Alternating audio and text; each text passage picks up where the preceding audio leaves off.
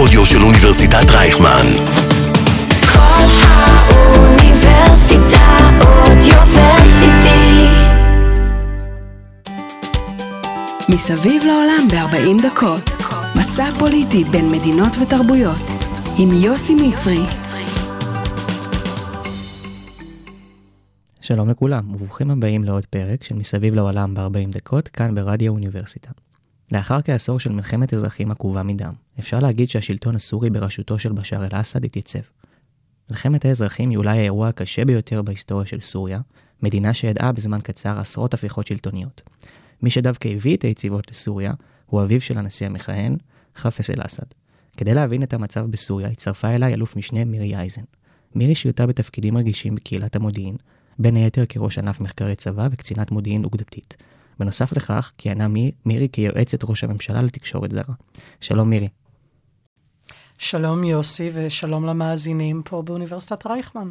אז uh, סוריה היא בעצם, בעולם הערבי, כל האזור נקרא שם. כאילו האזור כלל גם את סוריה המודרנית של היום, גם את לבנון, ארץ ישראל ועבר הירדן.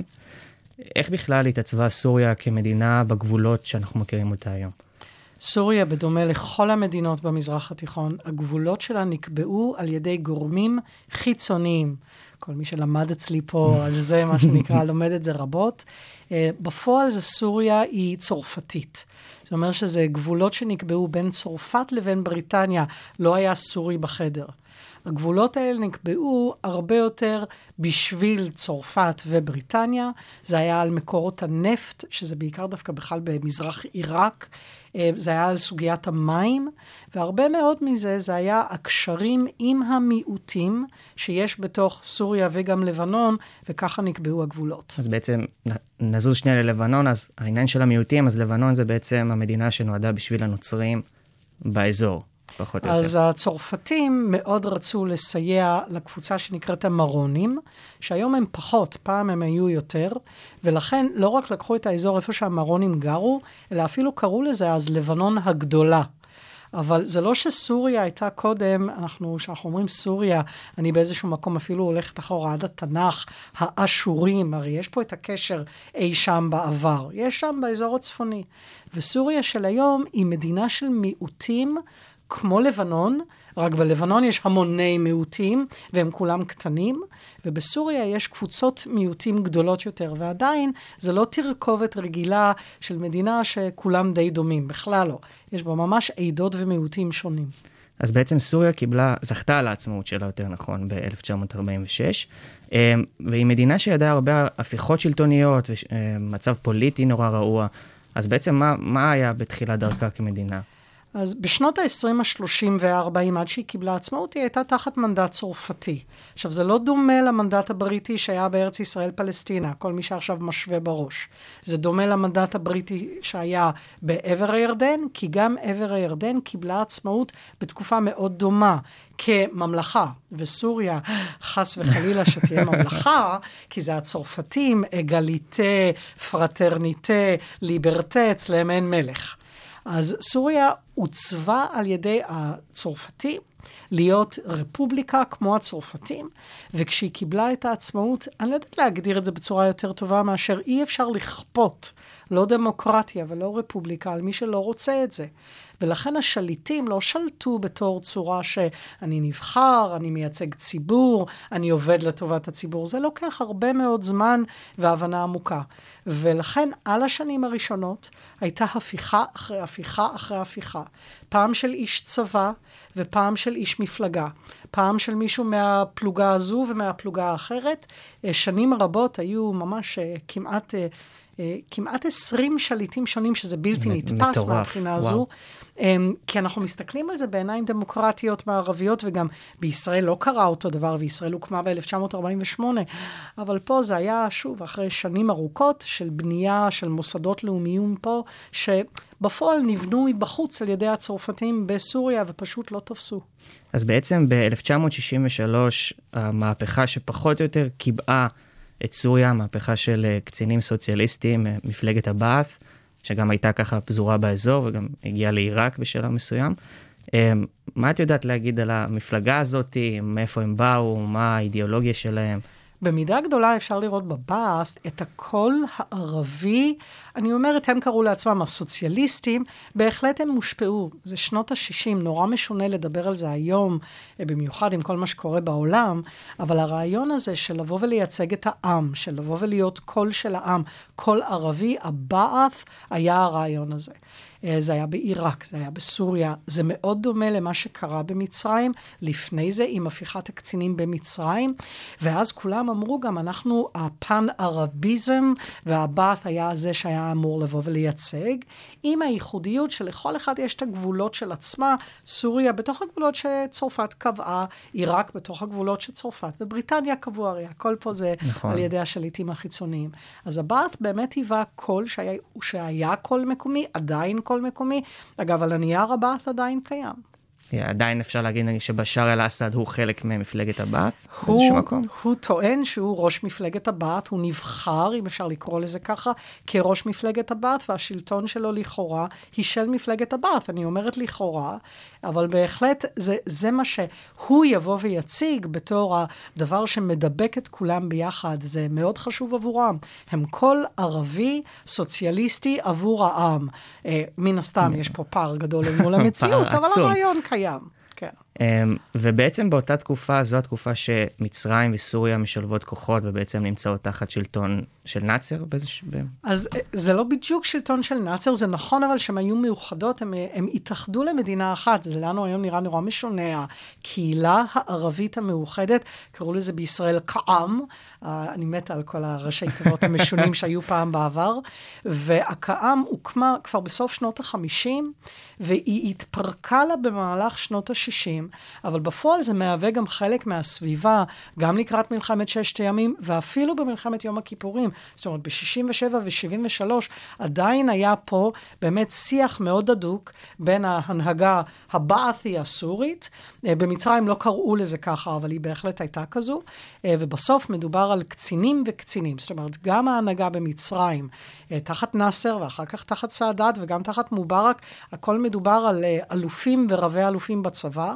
ובוודאי בסוריה, תחת אה, שלטון האבא, חאפז אל-אסד, שהגיע מתפקיד מפקד חיל האוויר להיות המנהיג של סוריה אה, מ-1970 עד שהוא מת ב-2000. אז בעצם, אחרי ההפיכה הצבאית של הבאת', מתבצעת הפיכה פנים מפלגתית, נקרא לזה ככה. כן, אני אוהבת את המושגים האלה, אנחנו, אני מאוד מקווה שלעולם לא נגיע אליהם פה ממש, בישראל. הלוואי. כן. אמ, וב...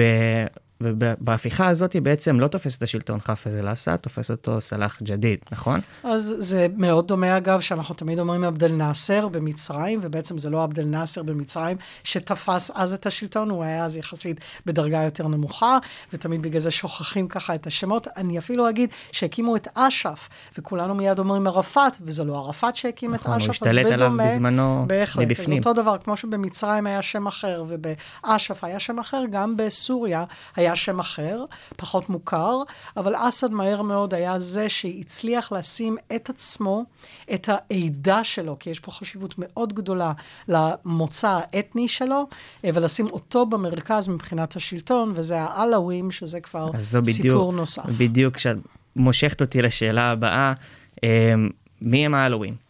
מי הם העלווים? אז כשאנחנו מדברים על העולם המוסלמי, באסלאם, ופה אני, אני עושה את זה כאן כדי שיהיה ברור.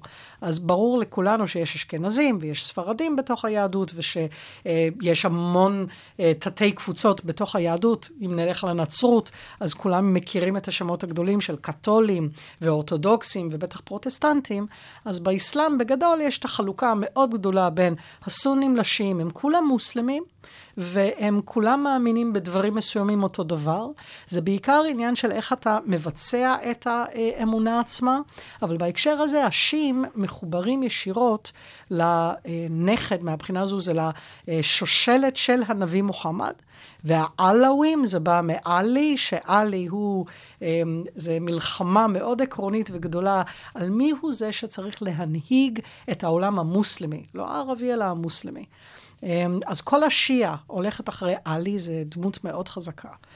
העלאווים התפצלו מהשיעה, יש הרבה התפצלויות בתוך השיעה, אי שם במאה ה-11-12, אה, כשהם התפצלו, ועל זה נאמר, אינני מוסלמית. אני באה בתור חוקרת, מסתכלת על זה מבחוץ, תמיד אנחנו צריכים ככה. להיזהר בדברינו, וגם לכבד, אוקיי? אני לא באה, כי, כי מי שלא מכיר, יש לנו כארבעת אלפים אזרחים עלווים במדינת ישראל. וואו. זה הכפר רג'ר, שנמצא אה, בצפון אצבע הגליל, על הגבול בין סוריה, לבנון, ישראל. הם אזרחים ישראלים מ-1981, אז, אז יש לנו אזרחים, אולי יש לנו סטודנטים עלווים מהכפר רג'ר, אה, כפר שיש בו המון אה, רופאים ועורכי דין. אה, בצפון, אז אני חוזרת חזרה לעלווים. אה, לאט לאט הם קיבלו דברים מסוימים שהיה מאוד קשה לאסלאם. אה, חלק מזה הם מכירים בישו, ניחא אם זה בתור נביא, אה, אתגרים. הם מאוד מכירים במעמד של מרים מהנצרות. כשנכנסים לתוך ה... לדוגמה ברג'ר, יש מלא אה, איקונות של מרים, ואתה אומר, מוסלמים, מה קשורה מריה? אה, אני אומרת את זה ברקע, כי במהלך השנים שלהם, האלוהים היו מאוד נרדפים. זאת אומרת, הם יצאו מהשיעה, הם עדיין ראו בעצמם מוסלמים, המוסלמים האדוקים יותר לא היו בטוחים שהם באמת מוסלמים. ואז אסד עלה לשלטון. ומה שקרה זה שהמופתי של דמשק, שזה בערך כמו להגיד הרב הראשי לישראל, רק במקרה הזה זה המופתי של דמשק, דמות מוסלמית מאוד מאוד חשובה. ב-1985 הוציא פתווה, הוציא אה, אמירה מוסלמית. כזה. כן, ממש. ובו הוא אמר שהאלוהים, אני אומרת את זה במונחים שלי כמובן, הם אה, מוסלמים כשרים, הם כן מוסלמים. עכשיו, אם אתה המנהיג אסד והמופתי של אה, דמשק רצה להשאיר את הראש שלו על הכתפיים, אז יצא אז לו כדאי, מה שנקרא... ממש כדאי לתת את הפתווה לגמרי, הזאת. פתווה מאוד טובה. ואפשר להגיד אבל שחאפז אל-אסד ובכלל כל ההלווים קיבלו את הצ'אנס להשתלב בחברה אה, דרך הצבא, כי זאת הייתה בעצם מסגרת שאולי טיפה יותר חילונית. לגמרי. אני אוסיף על זה שזה נכון על הדרוזים בסוריה, שגם הדרוזים שהם...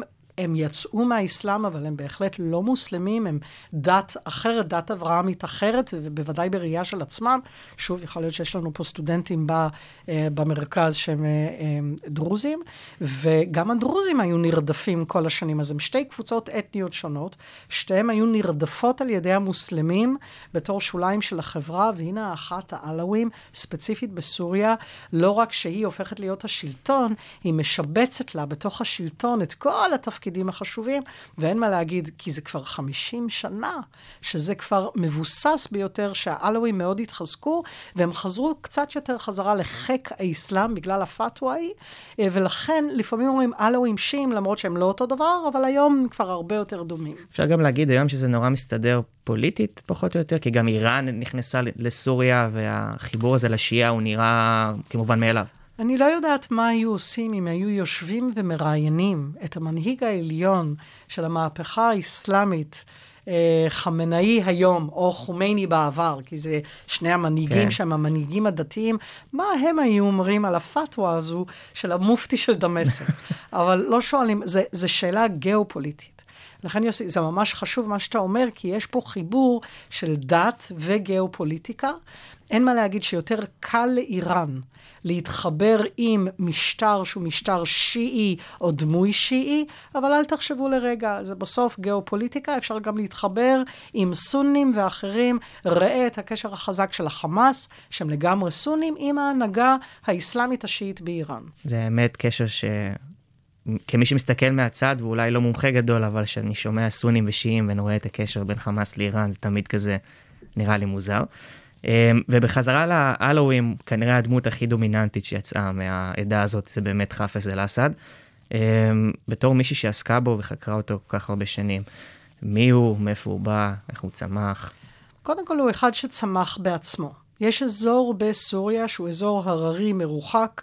זה דומה מהבחינה הזו, אם אני מדברת בארץ, לכפרים בגליל, אה, אי שם, שעד שאתה מגיע אליהם.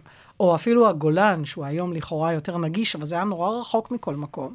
ובסוריה יש אזור שנקרא ג'בל העלווים, והוא בא מאותו אזור.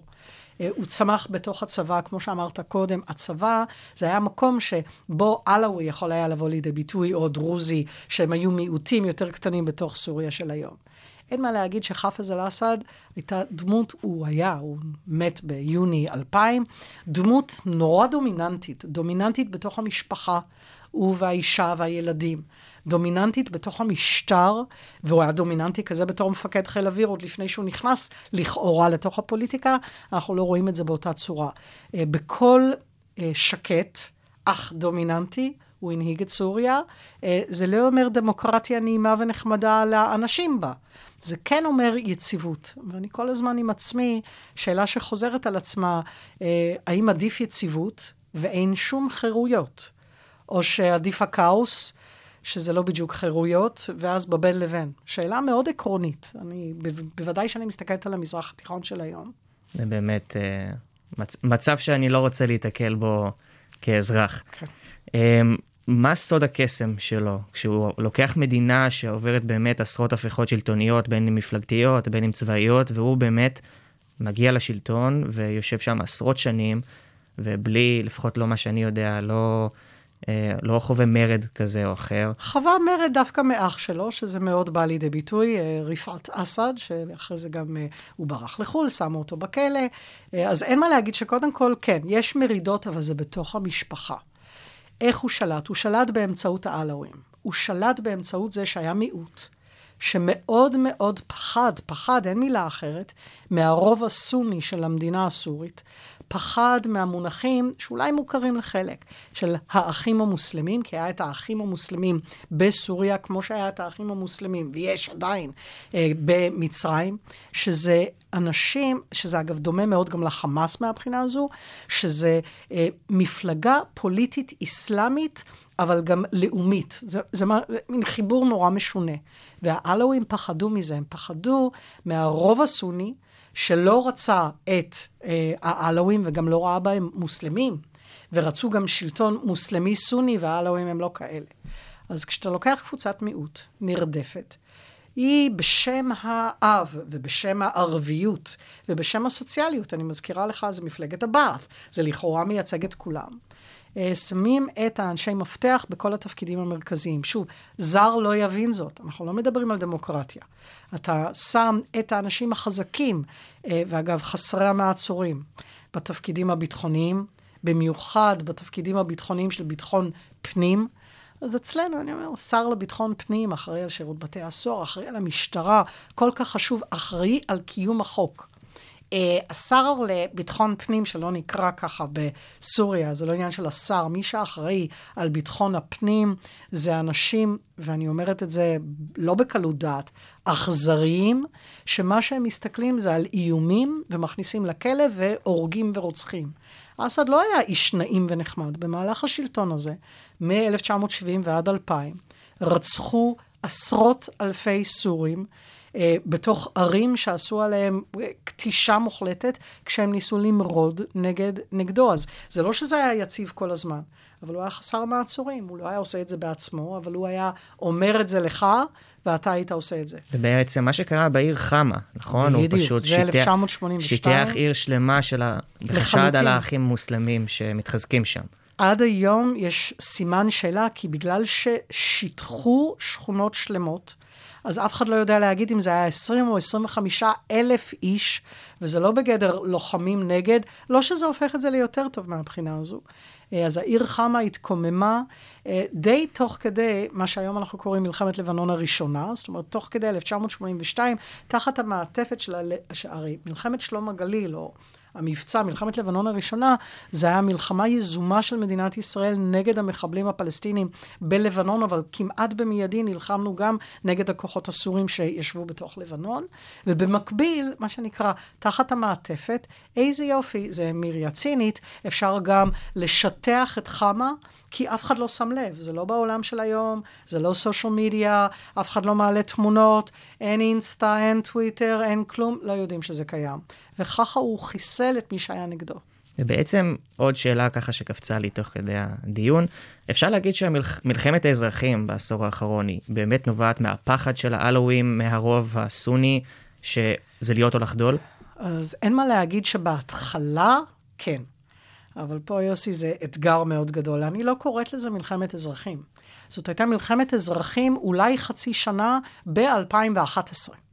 אבל מסוף 2011, זה כבר לפני המוני שנים, אה, בשאר אל-אסד, הבן של חאפז אל-אסד, קרא פנימה לכוחות לא סורים להילחם איתו ולמענו נגד סורים. זאת כבר לא מלחמת אזרחים, זה כבר כוח חיצוני. אז הכוח החיצוני הראשון היה חיזבאללה, ואז התחילו להיכנס לסוריה סונים מכל רחבי העולם, לא רק מהעולם דובר הערבית. ולכן זאת הייתה מלחמה מאוד מורכבת, שכללה נדבך של עלאווים ושיעים נגד סונים, אבל כללה המון נדבכים נוספים של סונים נגד שיעים, אה, נגד המשטר, אה, ואחרי זה גם נכנסה הסוגיה של המדינה האסלאמית ואל-קאעידה. אה, שמח, שוב, זה אני והציניות שלי, אבל אין מה להגיד שזה קשור להרכב אוכלוסין של מיעוטים.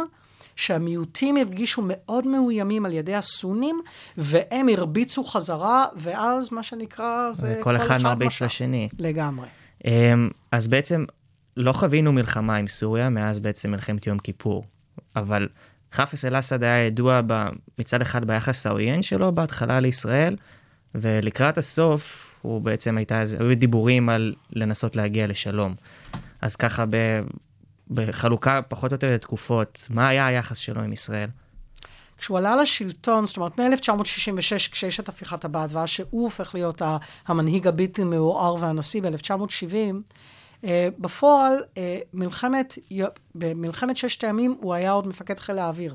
אז הוא זה שאיבד את רמת הגולן. אז כן, אבל לא. זאת אומרת, חילות האוויר כולן הובסו, גם של מצרים, גם של uh, סוריה, גם של ירדן, and for that matter, גם של עיראק, על היום הראשון של מלחמת יום, ששת הימים, uh, ביום שני בבוקר החמישה ביוני. כאילו, הרסו את כל חילות האוויר וגם שלו. והוא בעצם בא ואמר איך זה יכול להיות בכלל מבחינה מודיעינית, ולא הייתה התראה ולא ידענו, לא הצלחנו בכלל להמריא מהקרקע. מ-1970, ב-1973, זאת הייתה מלחמה שבה הוא יזם מלחמה ביחד עם, עם מצרים, אבל הוא יזם אותה כדי לכבוש חזרה את רמת הגולן. יוסי בעצם הוא נכשל, הוא נכשל הרבה יותר ממצרים.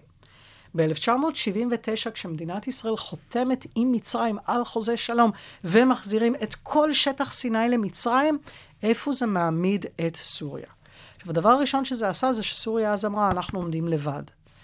תראו, כשמדינת ישראל הוכרזה ב-1948, סוריה תקפה. שסוריה תקפה ממלחמת העצמאות, אנחנו פחות אוהבים להיזכר בזה, היא המדינה הערבית היחידה שלא הפסידה. זה אומר, היא חצתה את הקווים הבינלאומיים והצליחה להחזיק בהם, ובמשא ומתן להסדרים אחרי מלחמת העצמאות, הסורים היו הכי הכי קשים, הם גם חתמו אחרונים, ואני לא מדברת על הסכם שלום. ואסד הוא חלק מהתפיסה הזו. הוא חלק מהתפיסה שרואה שישראל אין לה זכות קיום. זה לא עניין שהיא קיימת, אין לה זכות קיום. והעוצמה של ישראל במלחמות, כפי שזה בא לידי ביטוי, לא בדיוק שינו את דעתו. מה שהוא רוצה זה לקבל חזרה את השטח הסורי של רמת הגולן. מה שנקרא אה, שטחים תמורת שלום, זה שטח שאתם, ישראל, כבשתם בששת הימים, ב-67, אנחנו נקבל חזרה עד פיסת הסנטימטר האחרונה. אה, על זה היו דיונים במהלך שנות ה-90. אז היה את השינוי, אני אנסה להשיג במלחמה, אני אנסה להשיג במלחמה, לא הצלחתי. אוקיי, במשא ומתן, בדומה למצרים. למה לא הגיעו להסכם? כי בסוף, גם כשזה ברור, זה לא פשוט. אה, על כל אחד מהצדדים ועל על מה בדיוק אה, בסוף מחליטים. כאמור, ב-1948 לסוריה היו הצלחות, יש אזורים מפורזים שנקבעו ב-49, זה הכל נראה הזוי היום. אבל הוא בא למשא ומתן, והוא פתאום בא עם הקווים של 1948, 49, אף שעל מה שנקרא. אני מאוד אוהבת ברמת הגולן, החבר'ה של רמת הגולן אז, בשנות ה-90. כשהיה משא ומתן, הם הציבו פסל, שמי שנוסע מעין גב בצד המזרחי של הכנרת צפונה, רואים אותו בצורה מאוד יפה, שזה חאפז אל-אסד, אה, הקיר, זה, זה, זה יוצא כזה מהצד של המצוק, זה מאוד גדול. חאפז אל-אסד אה, אה, דג דגים מהכנרת. כי הסוגיה המרכזית בסוף הייתה מים ונגישות לכנרת. אני לא מדברת בכלל על רמת הגולן, שמדינת ישראל הכילה עליה את החוק הישראלי כבר לפני 41 שנה, ב-1981. לא, פה זה היה ממש על... יחזירו את כל רמת הגולן, כמו שהחזירו את כל סיני בעיני אסד, ותהיה להם נגישות לסורים, לכנרת, לדייג, למים. It was lose-lose. אי אפשר היה להגיע להסכם. כן, זה נראה לי באמת נשמעים תנאים שמדינת ישראל לא... לא, לא, תס... אז, לא רצתה ואולי לא היום. Um, בנוסף לזה נתקלנו בו גם בלבנון, נגענו בזה קצת מקודם. איך בכלל זה קרה? כאילו, אנחנו נכנסנו מסיבה מסוימת, מה הייתה הסיבה של אסד להיכנס ללבנון? אסד נכנס ללבנון כבר באמצע שנות ה-70. בעיני סוריה, מאז הקמתה של לבנון, כי לבנון קיבלה עצמאות עוד לפני סוריה, היא קיבלה כבר תוך כדי מלחמת העולם השנייה, 1942-43. סוריה, רק כמו שאמרת קודם, ב-1946. סוריה הייתה סוריה הגדולה, סור... מה פתאום לבנון? לבנון זה בכלל איזה משהו ממש הזוי מבחינת הסורים כל השנים. וחאפז אל-אסד גם היה בגישה הזו. אה, לבנון, על הכמות הגדולה של המיעוטים בתוכה, הידרדרה למלחמת אזרחים, לא משהו חיצוני, מלחמת אזרחים, מאמצע שנות ה-70. ובמסגרת מלחמת האזרחים, אחת מהקבוצות האתניות הזמינה את צבא סוריה לבוא לעזור לה. מאז הרבה מים זרמו, אני אגיד בליטני, או באוואלי, באחד הנחלים, נהרות אי שם בלבנון. אבל הסורים ישבו שם כי הם הוזמנו, לכאורה, לא לכאורה, הם הוזמנו על ידי קבוצות לבנוניות מסוימות. אמ, במסגרת ההגעה לאיזשהו הסדר לסיום מלחמת האזרחים בלבנון, חלק מזה היה שהעולם בא ואמר שכל הכוחות הזרים צריכים לצאת מלבנון. אז כוח זר אחד זה היה סוריה, והכוח הזר השני בשלב ההוא זה היה ישראל. ישראל, כמו שכולנו יודעים, נסוגה מדרום לבנון, מכל האזור שישבנו בה, מ-1982, אה, נסוגנו במאי 2000, ומה שיותר פחות ידוע לכולם, זה ששלוש שנים אחר כך, ב-2003, במסגרת אותה דרישה, סוריה השיגה את כוחותיה מלבנון, ורק מ-2005, בפעם הראשונה, תחת בשאר אל-אסד, סוריה הכירה בלבנון והם החליפו שגרירים. עד אז, סוריה לא הכירה בלבנון כישות, ולכן לא היה להם יחסים דיפלומטיים ולא היה להם שגרירויות. וואו, זה האמת, זה, אה, זה ממש, זה מסוג הדברים... מפתיע ממש, אני די, בש... טוויסט, די, בש... טוויסט. די בשוק האמת. אמ, בעצם אז היחס של סוריה כלפי לבנון זה סוג של מחוז כזה, או הם היו רוצים לראות זאת היו כך. רוצים לראות את זה? אגב, זה גם נכון על אה, ירדן. יש מערכת יחסים מאוד מורכבת בין סוריה לירדן, פחות מוכר. בדיוק אחרי שחאפז אל-אסד עלה לשלטון ב-1970,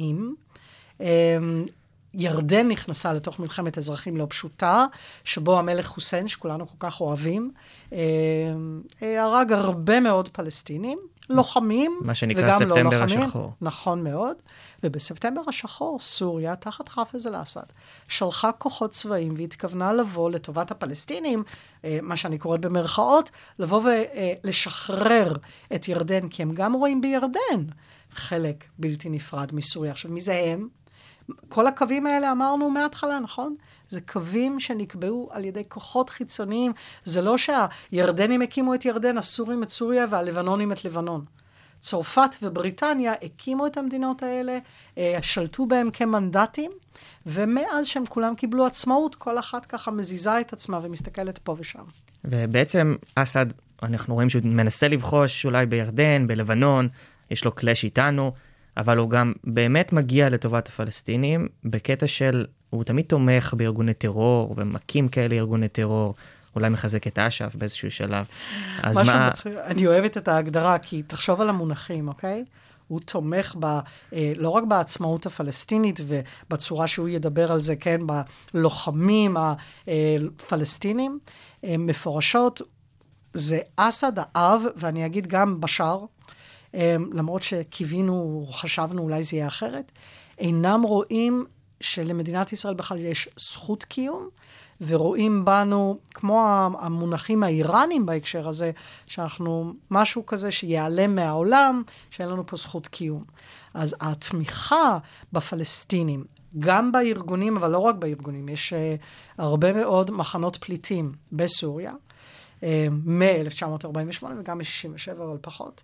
אה, הם, הם שילבו את הפלסטינים לתוך האוכלוסייה הסורית, אבל זה בעיקר כדי שהם יתחזקו ויוכלו לחזור חזרה ולשחרר. אה, סוריה, יש בתוכה, תראה, העשור הזה של הלחימה קצת שינה הכל, אבל עד העשור של הלחימה, עד 2011, יש בה יחידה מאוד גדולה שנקראת, חכה, חכה, אוקיי, אני רוצה לעשות את הכזה קצת מתח, נכון? צבא שחרור פלסטין, צש"ף. שמי שמתגייס אליו, וזה בתוך צבא סוריה, זה איזשהו שריד של משהו שהיה במלחמת העצמאות, כי היה כזה דבר צבא שחרור פלסטין. ויש בתוכו חטיבות, והחטיבות הם, שמו, הם, הם, מה שמגייסים לשם זה פלסטינים סורים. והם באו לידי ביטוי, הם אה, די, אה, כאילו, הם מה שנקרא נתקעו מכל הצדדים במלחמה שנערכה שם בעשור האחרון, כי הם היו בין הפטיש לבין הסדן, הם בעיקרם סונים, ואז יש את הקטע העלווה. של מיל... וואו. ו- ובפועל הם הלכו הכי לקיצוניות, לתוך המחנות פליטים, שפעם זה היה איזשהו בסיס כוח של אסד, לשם נכנסו סונים מאוד קיצוניים, האל-קאידאים והמדינה האסלאמית. זאת אומרת, גם דאעש וגם אל-קאידה, ואז מחנות הפליטים הפלסטינים סביב דמשק, וגם צפונה יותר, הפכו להיות בסיסי פעולה של הטרוריסטים הכי גרועים שיש בעולם. אז אסד תמך באלה שהיו נגד ישראל. מה שיצא מזה במהלך המלחמה, בעשור הזה של הלחימה בסוריה, שהם הפכו לבסיסי פעולה של האסלאמיסטים, אוקיי? הג'יהאדיסטים הקיצוניים ביותר. וואו, זה באמת אה, המון- מידע. way too much.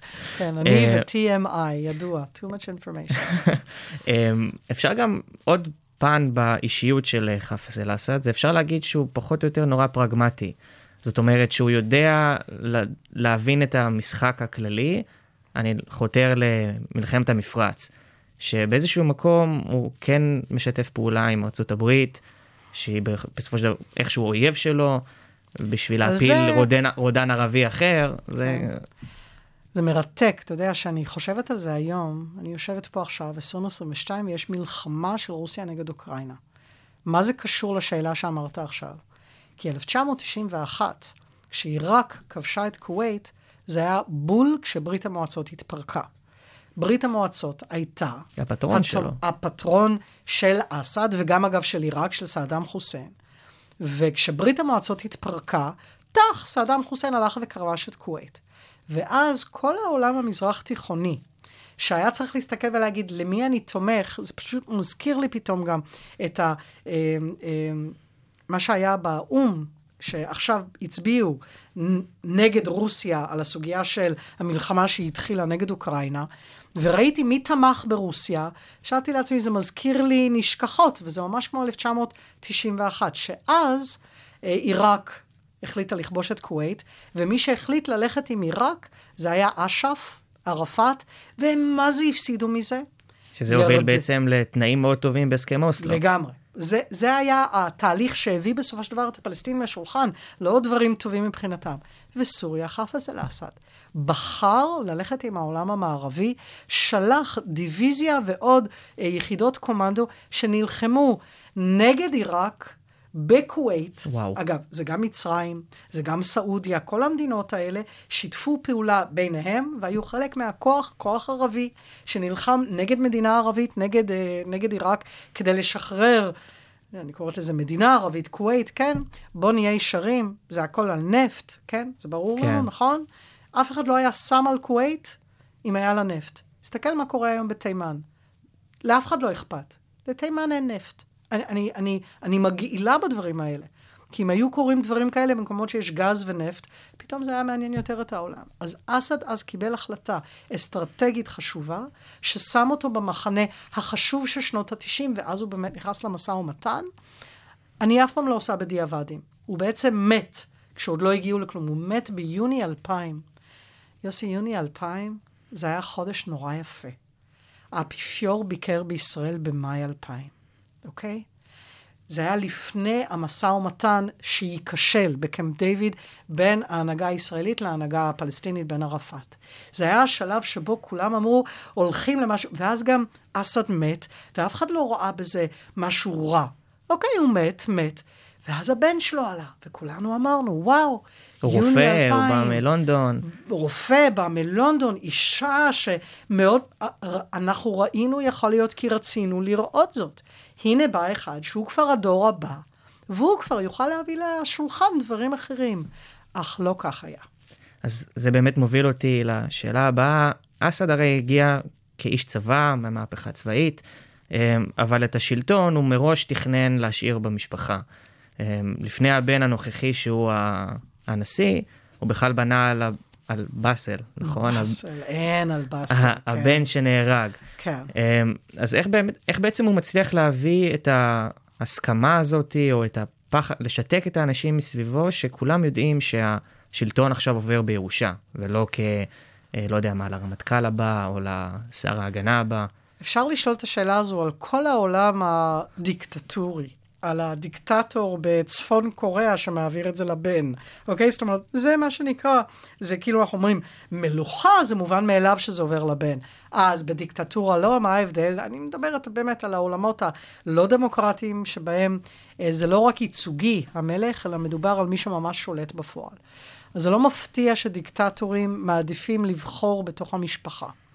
מה שקרה בעיניי במשפחת אסד, זה שבחרו במי שהיה הכי מתאים. הוא היה, מה זה יורש היצר באסל? הוא נבנה לזה, הוא עשה תפקידים בצבא. הוא היה, ממש, על זה נאמר שאני בתור אז קצינה שחוקרת, באסל was the it guy, אוקיי? Uh, אתה אומר היום, כאילו, כולם עכשיו התפלצו מההשוואה שאני עושה, כמו שאני אומרת שיש את הארי ומייגן, אוקיי? כאילו, זה מלוכה, אבל הם אחרים.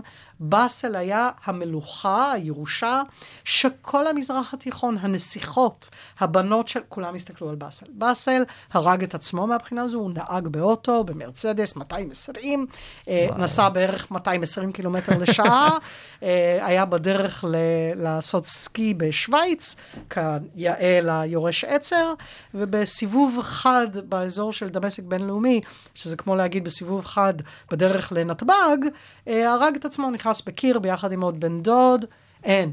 מה שנקרא, כולם מסתכלים מסביב, כי הוא היה יורש העצר. הבא בתור זה בשאר. יש עוד אחים ויש עוד אחיות. יש אחות יותר מבוגרת. האחות הכי מרשימה מכולם, אבל אין בעולם הערבי הדיקטטורי, אתה לא מכשיר את האישה לתפקידים האלה. ובשאר, שהוא היה, אתה יודע, זה כזה, זה, זה נורא להגיד כזה דבר, אני לא יודעת אם יש מהמאזינים עכשיו שיודעים על האח הבכור, ואז יש את האח שהוא עושה מה שהוא רוצה. אבל במקרה הזה זה היה האח הנעבך, אבל בכיף, שעשה את מה שהוא רוצה, שזה היה ללמוד רפואה. תקשיבו, הוא בדיוק עשה התמחות בלונדון, זה לא שהוא היה, הוא היה בלונדון בהתמחות אה, כרופא עיניים, וקראו אותו לדגל. עכשיו, אתה לא אומר לא לאבא הזה. כאמור, האבא הזה מדבר בשקט, ידוע באכזריותו, ואתה חלק מהמשפחה, המשפחה מעל הכל. והקטע שגם שאלת קודם על איך חפז אל-אסד אה, ניהל את המדינה, הוא ניהל את סוריה כמשפחה שלו. הוא דואג להכל, הוא דואג לך, ואם אתה עושה משהו נגדו, הוא גם יודע לצאת נגדך. הוא, זה ככה הוא ניהל את זה, והוא הכניס את בנו. אז הוא אומר, הרופא חוזר על הביתה, והוא חוזר לדמשק, ומיד מכניסים אותו לצבא. נותנים לו דרגת אלוף משנה. וואו. הוא נהיה מפקד חטיבה. וממפקד חטיבה נהיה מפקד אוגדה. זה הוא עוד עשה כשאסד היה בחיים, כשחאפז היה בחיים. בנו אותו, מה שנקרא The Quick Track, אחרי שבאסל עשה את זה, תפקיד אחרי תפקיד בצורה מלאה, בשער בא וצ'יק צ'אק עושים את הכל. וביוני 2000, בצורה תמיד, מוות זה יכול להיות מפתיע, אה, חאפז אל-אסד מת, והעלווים שהזכרנו אותם קודם, הבעט שהזכרנו קודם, הפחד ממה יהיה אם זה לא יהיה מה שנקבע, מכנסים את הפרלמנט ומיד בוחרים בבשאר בתור המחליף, ותוך חודשיים עושים בחירות כלליות, והפלא ופלא בבחירות הכלליות הוא זוכה ב-99% מהקולות. כן, זו שיטה נהדרת, אוקיי? אני תמיד תוהה על האחוז, אם הם עושים את זה בשביל המשחק, כדי להראות שהם שקופים באמת על מה אנחנו מדברים. זה לא שיש מועמדים אחרים, והוא בפועל שולט. מיוני 2000, ואנחנו ב-2022. ואבא שלו היה מסתכל עליו היום, או על סוריה באופן כללי. מה לדעתך הוא היה... קשה לי להגיד, כי האירועים שקורים בכל המזרח התיכון הם אירועים עקרוניים ועצומים. אינני חושבת שחאפז אל-אסד היה מצליח להצניע, אה, מה שנקרא, לכתוש את חמה, אוקיי? אבל בפועל הוא היה בא ואומר שבשאר עשה את מה שהוא עשה. איך בשאר נשאר בשלטון? איך בסוף הוא ניצח לכאורה? כי אין יציבות בסוריה. הוא ניצח את המלחמה הזו, אבל זה לא הביא איזו יציבות. הוא קטש. הייתה פעם עיר מהממת שקוראים לה חלב, ואולי יש פה חלבים ששומעים, אוקיי? יוסי. כמוני. מה שנקרא, ח... וחלב פשוט קודשה. אבל פה זה גם החיבור להווה. כי איך היא קודשה? לא בארטילריה, בחיל אוויר, ולא בחיל אוויר סורי, חברים, בחיל אוויר רוסי. ורוסיה, בוודאי בחמש שנים האחרונות של המלחמה, פחות ב-2011, 12, 13, 14, מ-2015, רוסיה הביאה את העוצמה הרוסית בתוך סוריה, במיוחד של חיל האוויר, ועל זה נאמר, לא נעים, וזו שוב הציניות שלי יוצאת, שלעשות את ניסוי הכלים לקראת מלחמה אחרת שאנחנו חווים אותה כרגע, אה, על מי שאין לו שום יכולת להתגונן. וקדשו את חלב, וקדשו מקומות נוספים, וכך בשאר אל-אסד נשאר בשלטון. אז אבא היה אומר, אה, הנה, כמו שצריך, מה שנקרא, הם... כי המטרה הם... מקדשת את האמצעים לגמרי, בעצם. לגמרי. ושאלה אחרונה ואולי טיפה אופטימית, או קצת חי בסרט, מה שנקרא, יש סיכוי לשלום בינינו לבינם? יש סיכוי להסדר. אני לא אוהבת את המילה שלום, כי אני נורא אוהבת שלום. עושה שלום במרומיו, בעיניי זה לא סתם חלק מתפילה. מה שיש לנו עם מצרים זה החוזה הכי חשוב שקרה למדינת ישראל, והוא נקרא חוזה שלום, ו- ובעצם זה הסכם אי-לוחמה. Um, נכון, אפשר לנסוע למצרים וכולי, בוודאי גם עם ירדן, עם ירדן זה קצת יותר, יותר uh, קיים. אני מוכנה, אני רואה אפשרות להסדר לאי-לוחמה. היום זה יותר קשה מאשר בעבר. סוריה תדרוש את מה שמצרים קיבלה. סוריה תסתכל על מה שקרה עם ירדן. זאת אומרת, יש פה שני דגמים שונים. מצרים קיבלה חזרה את כל השטח שנכבש ממנה.